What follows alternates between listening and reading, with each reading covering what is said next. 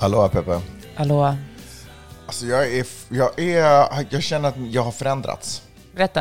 Nej, men jag känner att eh, det är som att jag ser, upplever världen runt omkring mig på ett lite annorlunda sätt. Den här känslan som man har när man är på den här um, semestern som man har när man har ett jobb. Liksom. Och så Mm. just det. lämnar man jobbet och så är man på semester och så går man omkring med en, så åker man till någon varm plats och så har man en halvknäppt skjorta på sig och så sitter man och äter frukost och tar kanske en, eh, en liten eh, frukostdrink till det, champagne och vad heter den där? Med champagne. Mimosa. Ja, mimosa och, och äter någon god frukt. Man ser världen på ett annorlunda sätt. Det, det är liksom, bekymren är ganska, förutsatt att man har det kul med sällskapet, så är bekymren ganska bortblåsta. Och på den platsen är jag typ nu. Jag känner att jag är på semester. Men Magnus, du har varit på semester i tio år.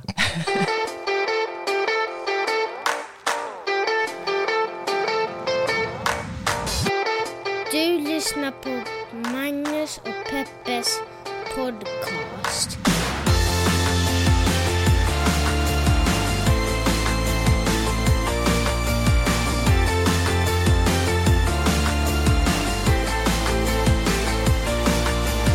Hallå internet och hjärtligt välkomna till podcasten som heter Magnus och Peppes podcast. En liten podcast där vi pratar om stora och små händelser i världen och så gör vi det ur, eh, ja men liksom vårt perspektiv. Så, Ja. som, så som vi uppfattar det. Så försöker vi förmedla det till er på, på ett begripligt sätt. Så att också ni ska lyckas uppfatta det. Jag skojar bara. Gud vad drygt. Ja, det var drygt. Uh, hör du, eh, Peppe, berätta. Så här har jag, upplever jag världen just nu. Hur upplever du världen? Hur känns det? Ja, men jag känner som du är väldigt lugn i kroppen. Vi, hade ju, vi gjorde en amerikansk semester. Ja, Alltså man bara är borta i några dagar och sen eh, kommer man tillbaka och tänker att man nu är, nu är man full av energi igen. Jag jobbar ju hela tiden, så det är ju... Jag är ju ett underligt tillstånd där jag hela tiden jobbar och hela tiden inte jobbar. Jag är som Schrödingers katt, kan man säga. Om du slutar med det ena så är du kanske död. Jag är, alltså, beroende på exakt i vilket ögonblick man tittar så är jag det ena eller det andra, men däremellan så är jag helt flytande i jobb och eh, semester. Okej, jag fattar. Nej, men jag jobbar ver- verkligen extremt lite. Och det kändes eh, för den, eh, okej för lyssnare som inte förstår att vi har varit i sex dagar på Hawaii, så har vi varit det. Ja. Och eh, jag, jag kände en sån distans till allting. Jag kände att det här ingenting, ingenting som har med jobb eller världen angår mig. Jag bara levde i min lilla egna värld av, av surfing. Ja. Jag skulle prata lite om Hawaii. Jag vet inte hur intressant, intressant det här är för eh, dig som lyssnar, men Hawaii har eh, påverkat mig så mycket, så jag, så jag skulle ändå vilja prata lite om den här magiska ögruppen längst ute i Stilla havet. Men hör du Magnus, kom vi inte överens om det här tidigare i år, att om man åker någonstans är det minsta man kan göra att ta reda på vad det är för en plats och förstå lite av historien kring den platsen och sprida den. Jag hoppas att du är på väg in i ett sånt... eh, Så eh, vi sätter på lite hawaiiansk eh, musik och lite vågor här i bakgrunden så vi kommer in i modet. Så Hawaii, som det för, för övrigt uttalas, det är ju, vi använder ju oftast amerikanernas sätt att uttala Hawaii. Men egentligen så är det ett enkel-V, W på Hawaii är egentligen ett enkel-V uttaligt. Enkel-V uttalat. Och så ska det vara betoning på det sista i så Hawaii. Hawaii. Eh, är ju en ögrupp ute i Stilla havet som befolkades för, jag vet inte hur länge sedan, men för oss hamnade den på kartan när James Cook, den eh, gamla se brittiska seglaren, eh, åkte runt och försökte upptäcka och kolonisera eh, hela världen för den brittiska kronans skull. Och han hade faktiskt ett ganska bra möte med eh, eh befolkningen på, i den här ögruppen. Hängde, han, han kom faktiskt i land på en ö som heter Kauai, som var faktiskt den ön som vi eh, besökte. Jaha, det visste jag inte. Nej, det var där som eh, han, eh, det var den, den ön han kom i, i land på. Världens eh, kanske regnigaste plats. Alltså på riktigt. Alltså den delar väl första platsen med eh, Galapagos eller, eller nej, nej, nej, nej, nej, det var någon annan eller en annan plats, skitsamma. Eh, och, men men det, det varade inte hemskt länge innan det sen eh, sket sig för att hawaiianerna upplevde, ja, förlåt nu förenklar jag för det var ju förstås egna, liksom, alla öar var i princip egna kungariken eh, på den tiden. Men den, eh, den, eh, den, eh, det kungariket som han kom till hade han ganska bra vibe med. Men sen så, han hade uppfattningen av att eh, han, alltså för honom var det bra vibe för att han var vit och där vita sätter sig ner sina gevär i sanden är det oftast bra vibe ur deras perspektiv. Och för hawaiianerna så var det bra vibe därför att de upplevde att det här är våra gäster. De var liksom välkomnande folk, förstår du vad jag menar? Så det pass, de här gick ju ganska bra ihop i början därför att de ena tycker att vi är välkomna överallt och de andra tyckte att ni är välkomna hit till vår plats.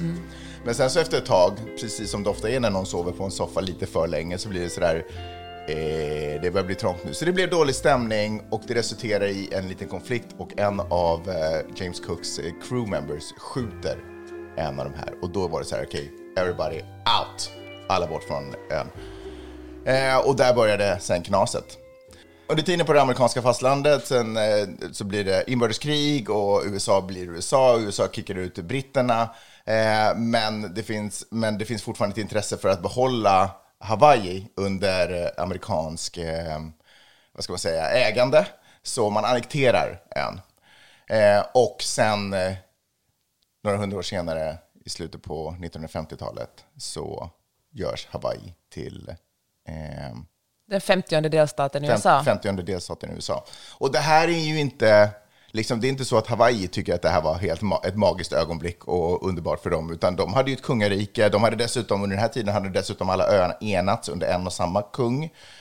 Eh, men den kungen avsattes med hela sin familj. Eh, fast det skulle vara så där att det här kommer bli bra för er också, så var det ju aldrig liksom egentligen bra. Man öppnar limfabriker och alltihopa eh, på Hawaii och det blir, det blir liksom inget slav... Eh, eh, slaveri så som det har varit på, i sydstaten under den här tiden i USA, men det blir fortfarande en övermakt som, som, bestämmer, som bestämmer reglerna och dealen och tjänar enorma pengar på befolkningen som bor där. Men du vet, man talar om att eh, Ryssland annekterade Krim, Mm. halvön, 2014. Ja, men det var ungefär samma sak. typ samma sak faktiskt. Om man sen gör Krim till en del av, eh, till en Ryssland. del av Ryssland, då är, det, då är det exakt samma grej.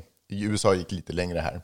Det här är ju också saker som, alltså det här har ju varit USAs, eller överhuvudtaget alla imperier, men om vi tittar från USAs perspektiv så har det ju varit USAs melodi hela tiden. Och det är ju också en av de sakerna, nu när du ändå tog upp det där med Krim, en av de saker som också Ryssland och många andra eh, länder som liksom inte tillhör västvärlden hela tiden poängterar att det här är ju skit som ni fucking gör hela, hela tiden. Eh, Man är så här, det här är nice, jag tar det. ja, det här är nice, här, jag tar det. Men hör du, det tog ju inte slut eh, där.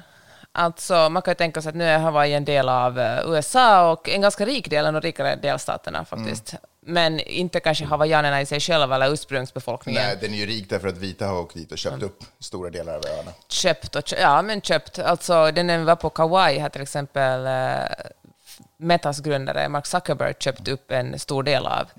Och eh, man kallar det neokolonialism, alltså det kommer man säga att åh, vi har liksom utarmat er, vi är rika för att vi har använt oss av, av svart eller annan ursprungsbefolknings arbetskraft. Har vi en massa pengar, så nu köper vi det här och det här och det här. Och uh, Zuckerberg har köpt upp en jättestor del av den här magiska ön. Och så finns det ändå så små bitar som ursprungsbefolkningen äger.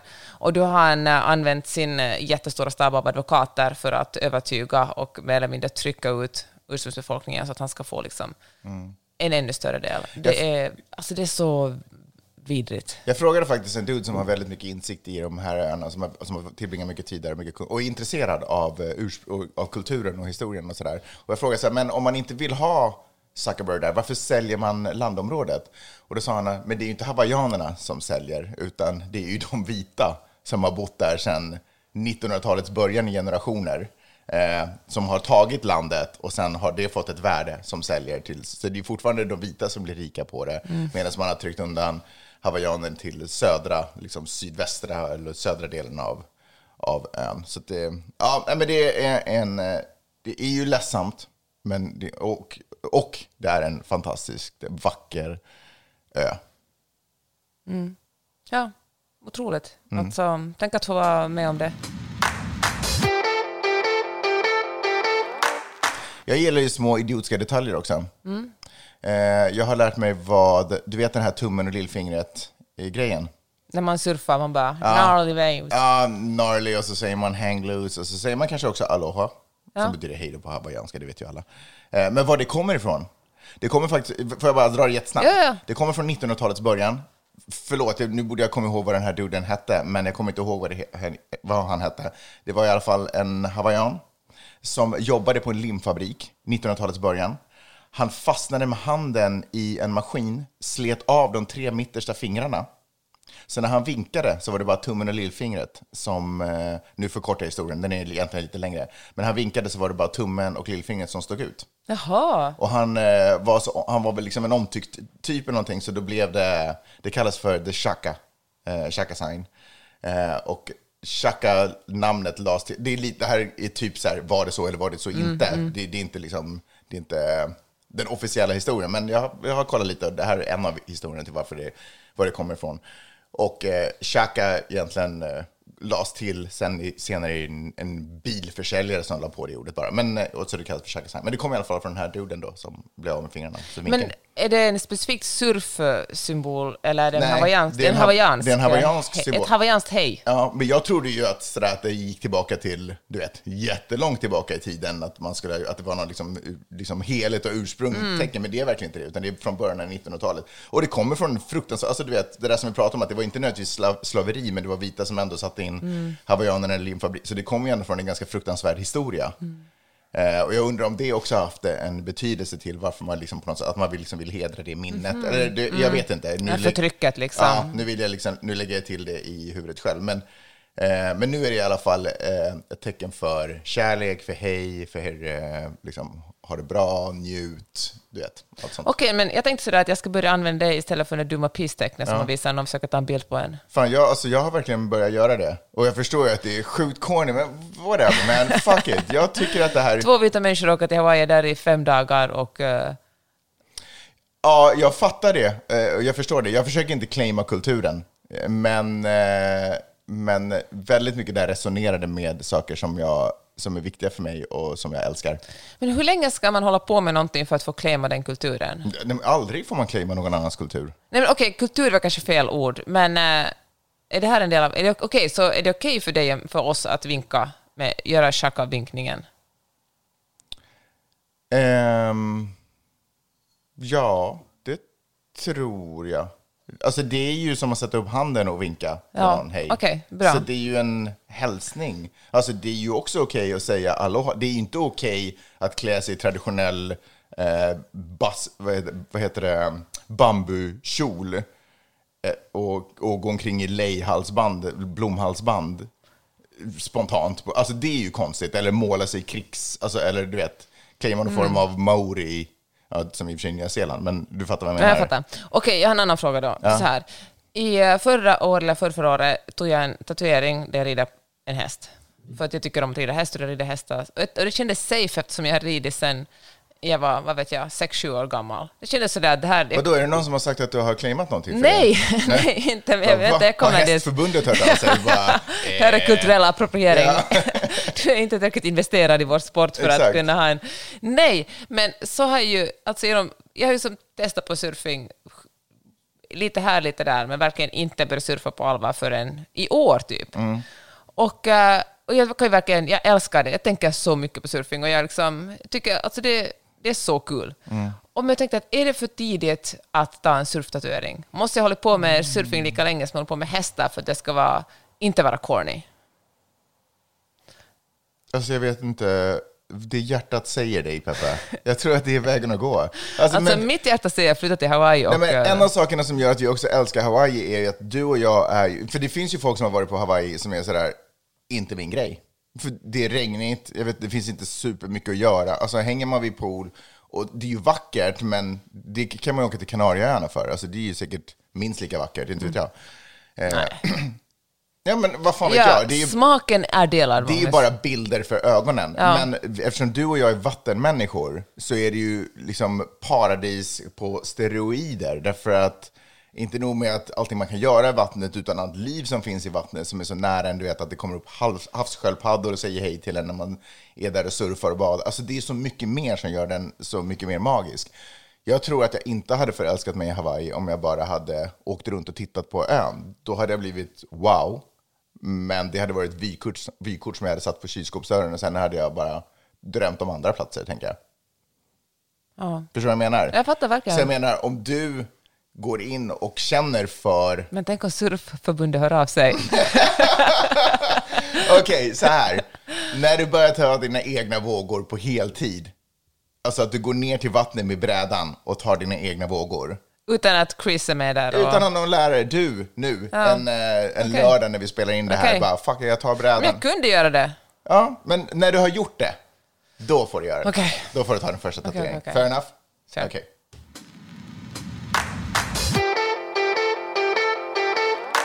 Får jag bara säga att jag gjorde dig cellulita? Herregud. Okej, okej, okej. Ska vi lämna vårt uh, surfliv som förmodligen intresserar folk så ohyggligt mycket? Jag tänker att det är därför folk tunar in till den här podden för att få höra om vår, vår nya surfkärlek. Okej, okej, vi det har också hänt andra saker i världen. Ja. Vill du börja? Ja. Varsågod. Elon Musk köpte Twitter. Ja, äntligen lite ordning och reda. Har du någon, känner du någonting inför det här? Jag känner att jag tycker det är så jävla hemskt att, eh, att man får göra vad, att det hela tiden bevisas att man får göra vad som helst när man har tillräckligt med pengar. Jag vet att alla vet att det inte är så, men det, orden börjar bli tomma. Eh, den, den tanken börjar är, är ur, urholkad. Därför att det, man kan verkligen göra vad som helst om man har tillräckligt mycket. Det vet jag bara med vår lilla budgetökning. Liksom, hur mycket mer lättillgängligt saker och ting blir som vi egentligen inte... Som är typ att man kanske lite kliver på någon annan. Ja, man har tillgång till så otroligt mycket med På andra har, människors bekostnad. Ja, men exakt eh, det tänkte jag också. För att eh, Elon Musk säger ju själv att han är för yttrandefrihet. Det talade vi om i förra podden också. Vilket, hur, eh, ja, men det är ett så... Det är så ointellektuellt och alltså, alltså det, man är bara lat om Men- man säger att man vill ha en social media för att man är för yttrandefrihet. Men de här människorna bryr sig inte om yttrandefrihet. Nej. De vill bara inte få skit när de säger idiotiska saker. Exakt. De, är bara, de vill bara inte själva bli censurerade. Men om någon annan säger någonting jävligt om dem, då har de plötsligt ett problem med yttrandefriheten. Ja, exakt så Det är är det. ju det som är, de vill bara köpa sig fri från att företaget kommer ge dem eh, reprimander. Liksom. Men med Elon, Musk handlar det ju också om att Twitter, det är ju det är ganska, det är ganska mäktigt att äga ett socialt medium som Twitter. Alltså det är journalister, politiker och journalister framförallt citerar väldigt mycket Twitter. Alltså, så Twitter är ju en ganska... Jag tror att av våra lyssnare, jag vet inte, kanske max hälften är aktiva på Twitter. Men eftersom nästan alla journalister för att kunna göra sitt jobb är aktiva på Twitter så skriver de i sin tur i dagstidningar och rapporterar i nyheter om vad som händer där, så Twitter liksom blir mycket större än själva plattformen. Och att äga ett kommunikationsverktyg som Twitter, eller Facebook för den delen, eller vad som helst, eller, liksom, eller Washington Post som Jeff Bezos gör, eller som eh, Fox News och en massa annat som Robert Murdoch, Rupert Murdoch äger. Det är ju enormt mycket makt. Om du kan kontrollera det som sägs och styra det som sägs har du ju så otroligt mycket makt. Alltså, du, har ju allt, du, kan ju, du kan ju påverka hur, eh, hur no, men demokratin, för att inte- nämna ett litet exempel. Det är sant, men får jag ändå bara tillägga att det är ju inte ovanligt att svinrika människor äger mediebolag. Alltså alla mediebolag ägs av svinrika Nej, människor. ja, men man kan ha det... Nej, för det första, om man till exempel läser mitt nyhetsbrev så finns det faktiskt Okej, många... ditt nyhetsbrev ägs inte av en Nej. svinrik person. Nej, verkligen inte. Nej, men jag menar, det finns en artikel som handlar om att det finns faktiskt andra sätt att ha en fri media och yttrandefrihet än att svinrika människor äger du medier. det är sant, men om du tittar på ja, men Bloomberg, om du tittar på hela MSNBC och hela den, alltså det ägs ju av rika Men- institutioner och instanser. mycket stor skillnad på en influencer som Elon Musk eller Jeff Bezos och en institution och en organisation. Men det finns olika stadgan också hur man ska... Fair enough, men han är väl kanske mer än en influencer. Han är väl inte huvudsakligen en influencer. Nej, men han är en Jag har person. aldrig kollat han är på vad inte, han klär sig i Han är eller- inte en, nej, men jävligt många människor har honom som idol. Alltså det finns ett, en viss grupp, speciellt män födda, så här, generation X och millennials, män älskar honom. Det är liksom, det är så här, och vad jag menar med influencer är lite som Donald Trump också. Fine att han inte bara är en influencer, men han är, eller Tucker Carlson för den delen. Mm. Han är, eller ehm, Alexandria Ocasio-Cortez för den delen också, om man måste ta någon från andra sidan. Det är människor som folk dyrkar. Det är liksom mer än bara personer, utan det finns ingenting de kan göra fel. Alltså de som gillar, eller vänta, Joe Rogan är också en sån. Det är liksom ett, ett helt okritiskt dyrkande och jag tror att, att de här människorna har den här, eh, alltså influerar, att ha en så här stor följarskara och människor som verkligen beundrar dem så mycket handlar om sociala medier, att det går att bygga upp en person på ett helt annat sätt genom sociala medier, och det har de här människorna gjort. Jag tycker inte att det är riktigt sant det du säger. Okej, men säg emot mig då. Nej, för jag, jag tycker inte att, jag tror inte att Elon Musk har ett gäng dyrkare runt omkring sig. Elon, Har du nej, varit på Twitter? Nej, har du lyssna. hört så de försvarar honom? Det finns ingenting han kan göra som är fel. Nej, men jag tror att det är just den där sortens personligheter är ju sådär, jag tror att de riktar sig till en grupp människor. Alltså jag tror inte att de här, hans följare har inte läst hans bibli- bibliografi eller överhuvudtaget varit intresserade av hans liv, utan de snappar ju upp citat som supportar deras egen ståndpunkt. Joe Rogan tycker jag också är lite annorlunda, därför att man kan verkligen lyssna på massvis med avsnitt av Joe Rogan jag menar, alla avsnitt han drar är ju inte politiskt inriktade. Man kan lyssna på massvis med avsnitt av Joe Rogan och vara så här, holy crap, jag lärde mig faktiskt något. Det här var ganska intressant. Han pratar med någon idrottsstjärna, han pratar med någon som har gjort ditten, han pratar med någon som har gjort datten. Det är massa ämnen där som inte är politiskt laddade. men, politiskt laddade. Men sen när han möter någon person som är kontroversiell, det är då förstås, så det blir väldigt mycket halabaloo. Och då vaknar ju den där gruppen till. Men jag menar, han har ju en annan sorts... Eh, Jag han, tror verkligen att Elon Musk och Joe Rogans följare går in i varandra väldigt mycket. jag tror att de korsar, jag tror att, de, eh, att det finns ögonblick då de eh, löper parallellt, men jag tror, tycker inte att de riktigt ägnar sig åt samma sak. Jag tycker, känner ändå att Joe Rogan har en, en ambition av att söka Men- någon form av eh, information och sam... Men alltså, jag tycker du faktiskt analyserar det för djupt nu. Jag tror att det är män, som, för det är främst män i det här fallet, som tycker att Joe Rogan är cool, att Elon Musk är cool. Elon Musk är lite frän på Twitter och då vill de vara en sån person. Det handlar inte om att analysera vad de säger eller vad de gör, utan det är just själva personen. En mycket rik man med makt som de här männen som inte själva i den positionen kan det- identifiera sig med och därför följer och blir så otroligt aggressiva när någon kritiserar dem.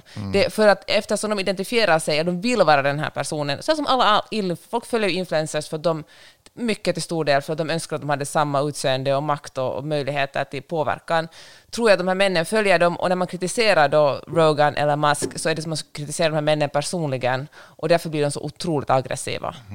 Okej.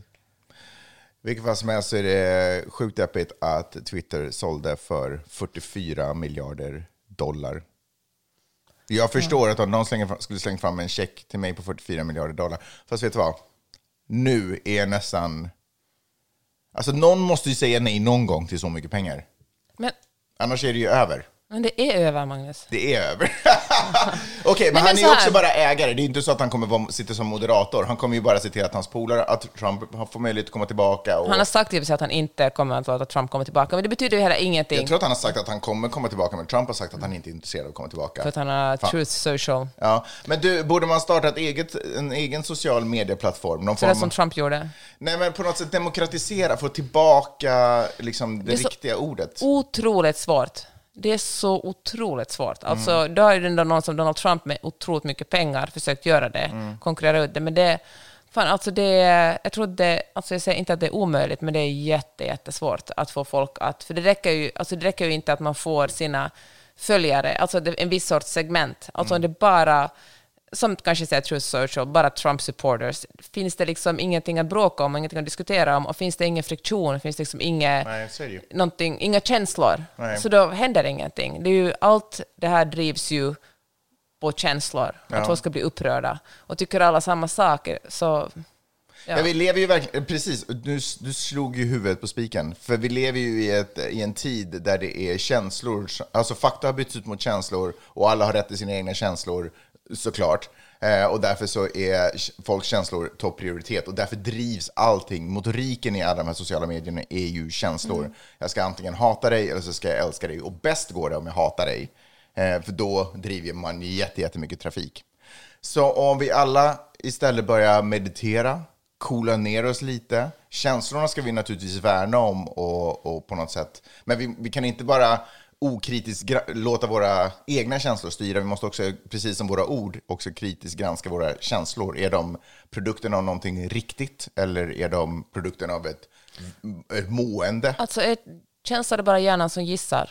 Exakt så är det. Men får jag säga om det här med yttrandefrihet, det låter ju jättefint att säga att man är för, nu ska man äntligen göra Twitter till en plats, eller vilken social media som helst där yttrandefrihet är tillåtet. Men var, drar man gränsen? Okej, vi drar gränsen vid vad som är, står i lagen. Det är förbjudet att sprida barnpornografi till exempel. Men vilken sorts lögner är det då förbjudet att sprida? Är det okej att säga att den här medicinen är lika bra som att vaccinera sig mot eh, covid till exempel. Va, det blir liksom, man kommer ganska fort in i ganska luddiga, va, vilka är lögner som, som kanske leder till en försämrad demokrati? Är det yttrandefrihet? Kind of, sort of? Alltså förstår du? Alltså, hu- Hur man än står för yttrandefriheten så måste det ändå finnas moderatorer och det måste ändå finnas någon slags... Eh, alltså man måste ändå bestämma var gränsen går. Och jag tror att det kommer att bli Elon Musks stora problem med Twitter. Så är det.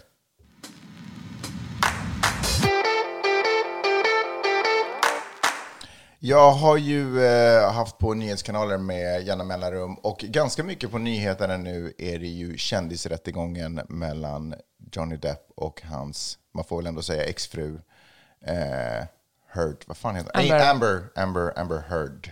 Amber Heard.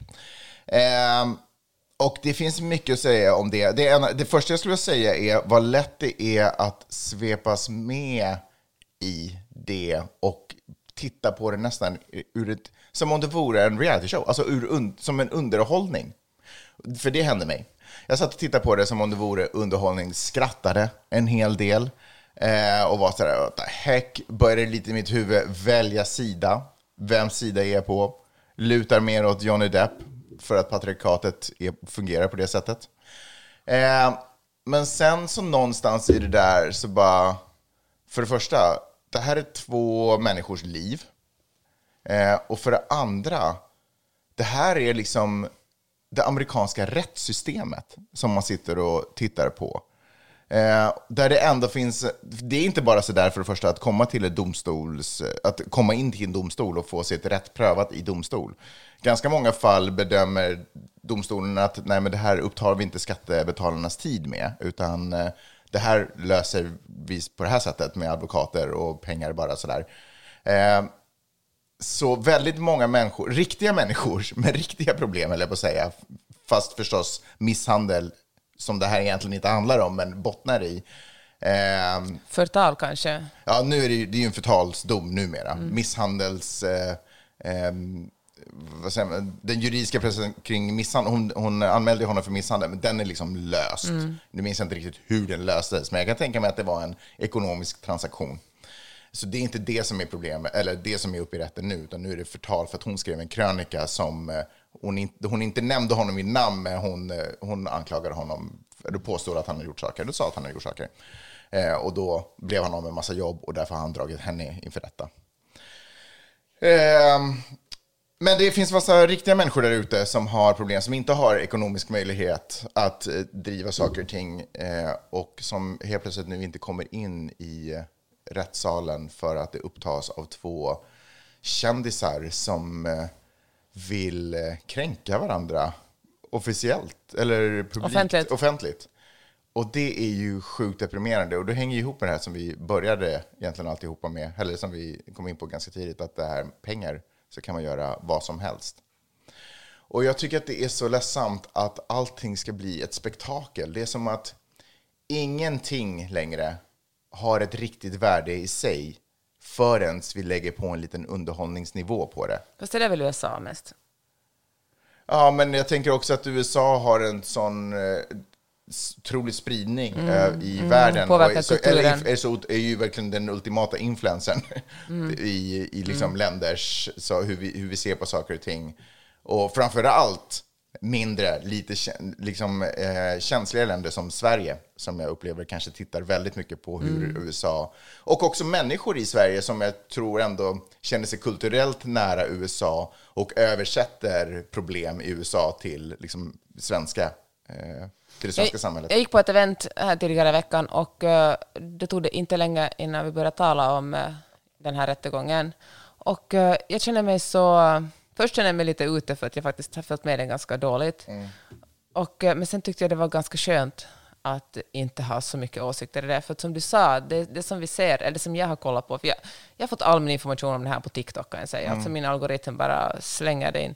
Men det är ju allt, eh, det är ju, alltså det är ju fiktion och det är verkligen så otroligt vinklat. Alltså, jag säger min algoritm älskar Johnny Depp till den grad att eh, det, så jag liksom vill vara på Amber Heards sida. Alltså all varje liten gest som han gör läggs ut på TikTok om han typ eh, håller ut stolen för någon som jobbar för honom. Men folk säger kolla, en så här underbar man kan väl ändå inte ha gjort någonting ondskefullt i sitt liv. Det här är också grejen, att den här sänds ju live. Lex O.J. Simpson liksom. Ja, den här, den här rättegången sänds ju live, vilket också gör att det är så här, fan vad keft det här är. Men, eh, men problemet är ju att det är ju inte så att alla sitter och tittar på den här sändningen live och ser de hela utfrågningarna, utan folk nöjer sig med små 20 sekunders klipp som sprids på eh, YouTube och vet, sociala medier. Och, sen, och utifrån de här små 20 sekunders klippen så dömer man en hel, eller så har man fattat ett eh, beslut, eller kommit fram, eller så upplever man sig göra en tolkning av en en och en halv timme lång utfrågning. Och så har man bestämt sig för att den ena har vunnit eller den andra har vunnit baserat på de här 20 sekunderna. Ugh, det, liksom, det funkar inte så. Man måste vara mer kritisk. Jag fattar att det finns klipp där en eh, advokat eller en försvarsadvokat ställer en fråga som kan låta underlig. För det första så är jag inte insatt i den juridiska processen. Jag förstår inte på vilken detaljnivå. Det, kanske det kan mycket väl finnas en juridisk teknisk syfte, ja. syfte med det.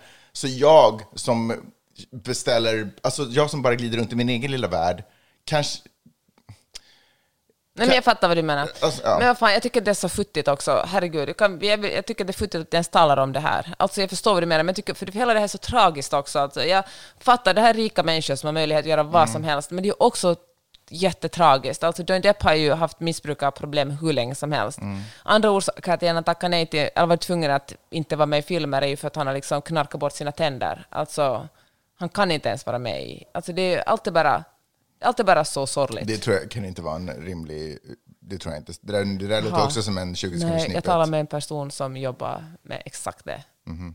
på det här eventet. Men, men han kan ju gå till en tandläkare och få vilken protes som helst. Ja, ja. Ja, okej, skitsamma.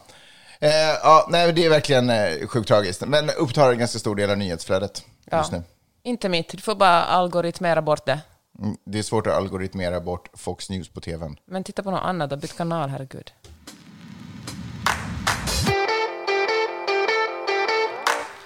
Här i USA pågår ju någonting som kallas det stora kulturkriget, som i praktiken går ut på att det är demokraterna mot republikanerna, där de ena är liberala och de andra konservativa. Jag tänker ofta på det när jag skriver liberal, för att det var någon från Finland eller Sverige som frågade om vi skulle prata om vad liberal i USA betyder. För när man talar om det i Norden handlar det ju ofta om, att, om pengar. Om man är liberal då tycker man liksom att marknaden ska styra och eh, kapitalismen sköter sig själv och då blir allting blir bra med konkurrens. Medan här i USA betyder liberal att man är mer vänster helt enkelt.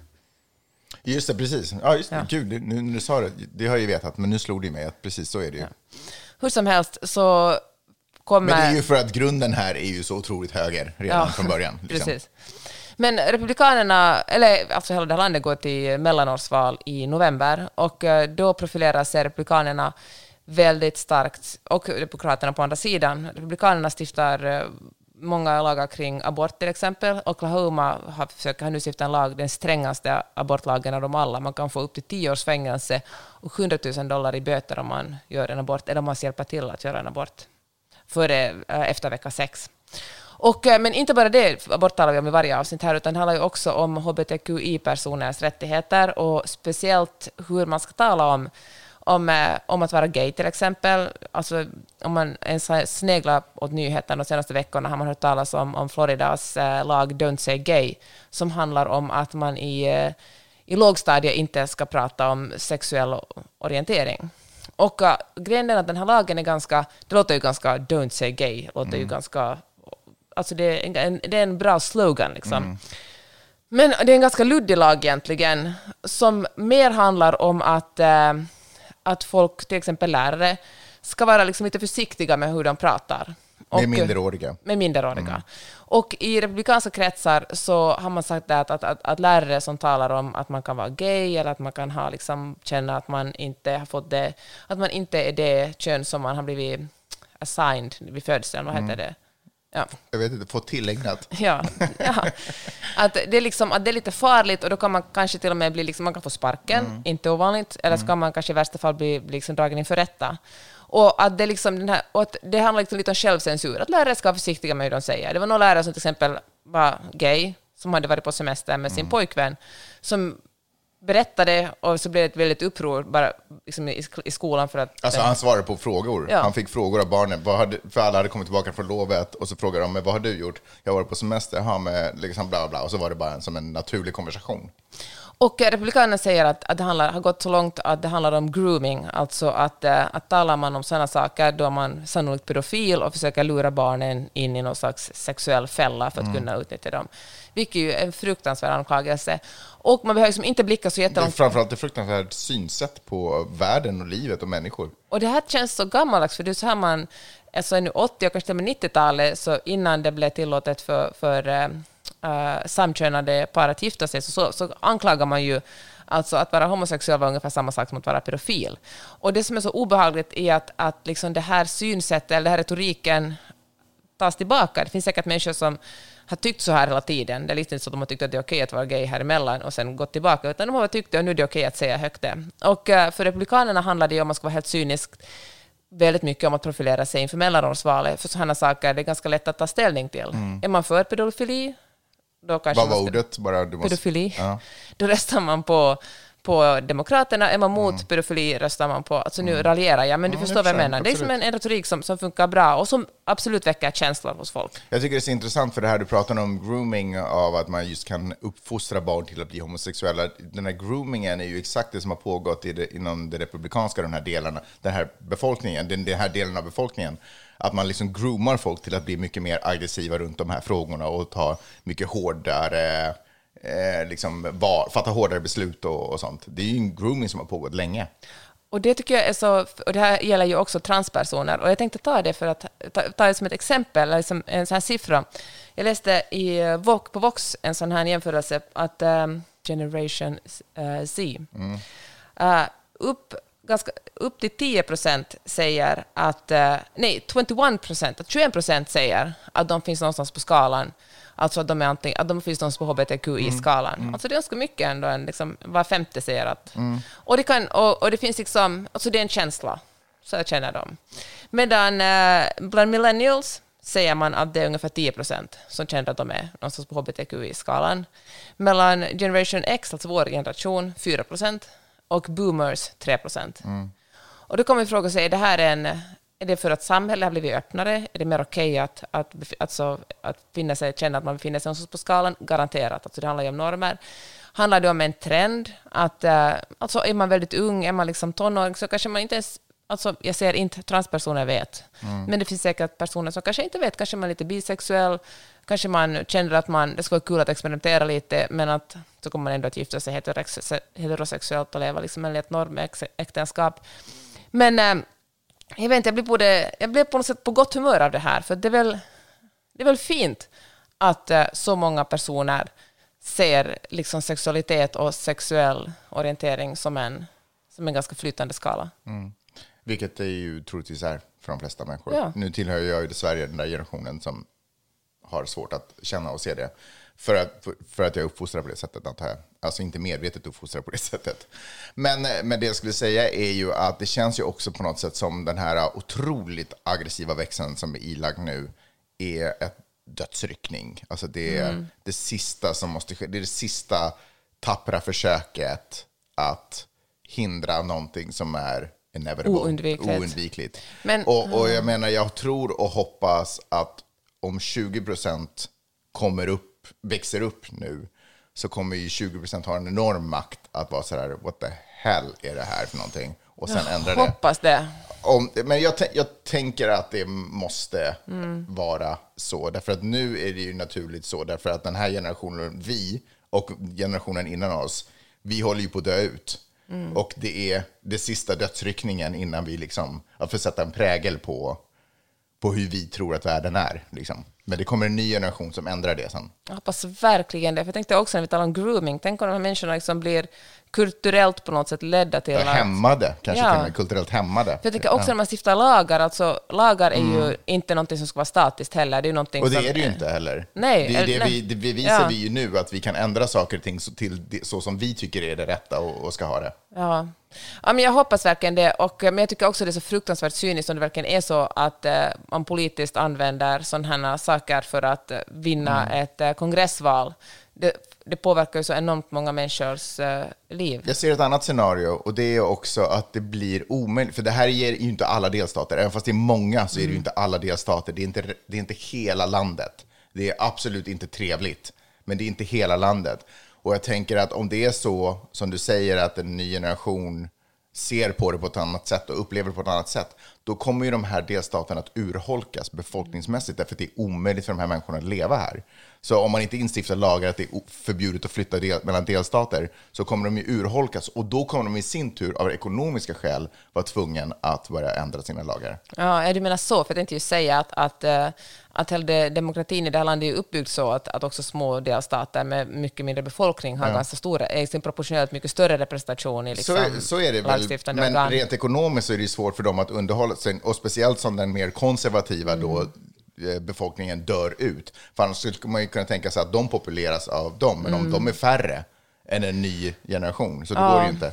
Så fort babyboomerna på riktigt är borta, det behöver inte vara superbra, liksom, det är bråttom och inte bråttom eftersom mina föräldrar tillhör den generationen. Okej, men de bor inte i Florida i alla Nej, men fall. de är verkligen en av de sista sådär, riktiga propparna. Som man, Det här slammet som har samlats i rören i badrummet som gör att vattnet inte rinner ut ordentligt. Det bara sipprar lite emellan. Mm. Så fort vi har fått ut den här riktiga jävla hårbollen, då kommer det flyta som bara... Alltså det kommer bli som... Okej, jag älskar din... eh, What a wonderful world. Ja, jag, okej, jag hoppar på det tåget. Jag hoppas verkligen det blir så. Ja, 100 procent.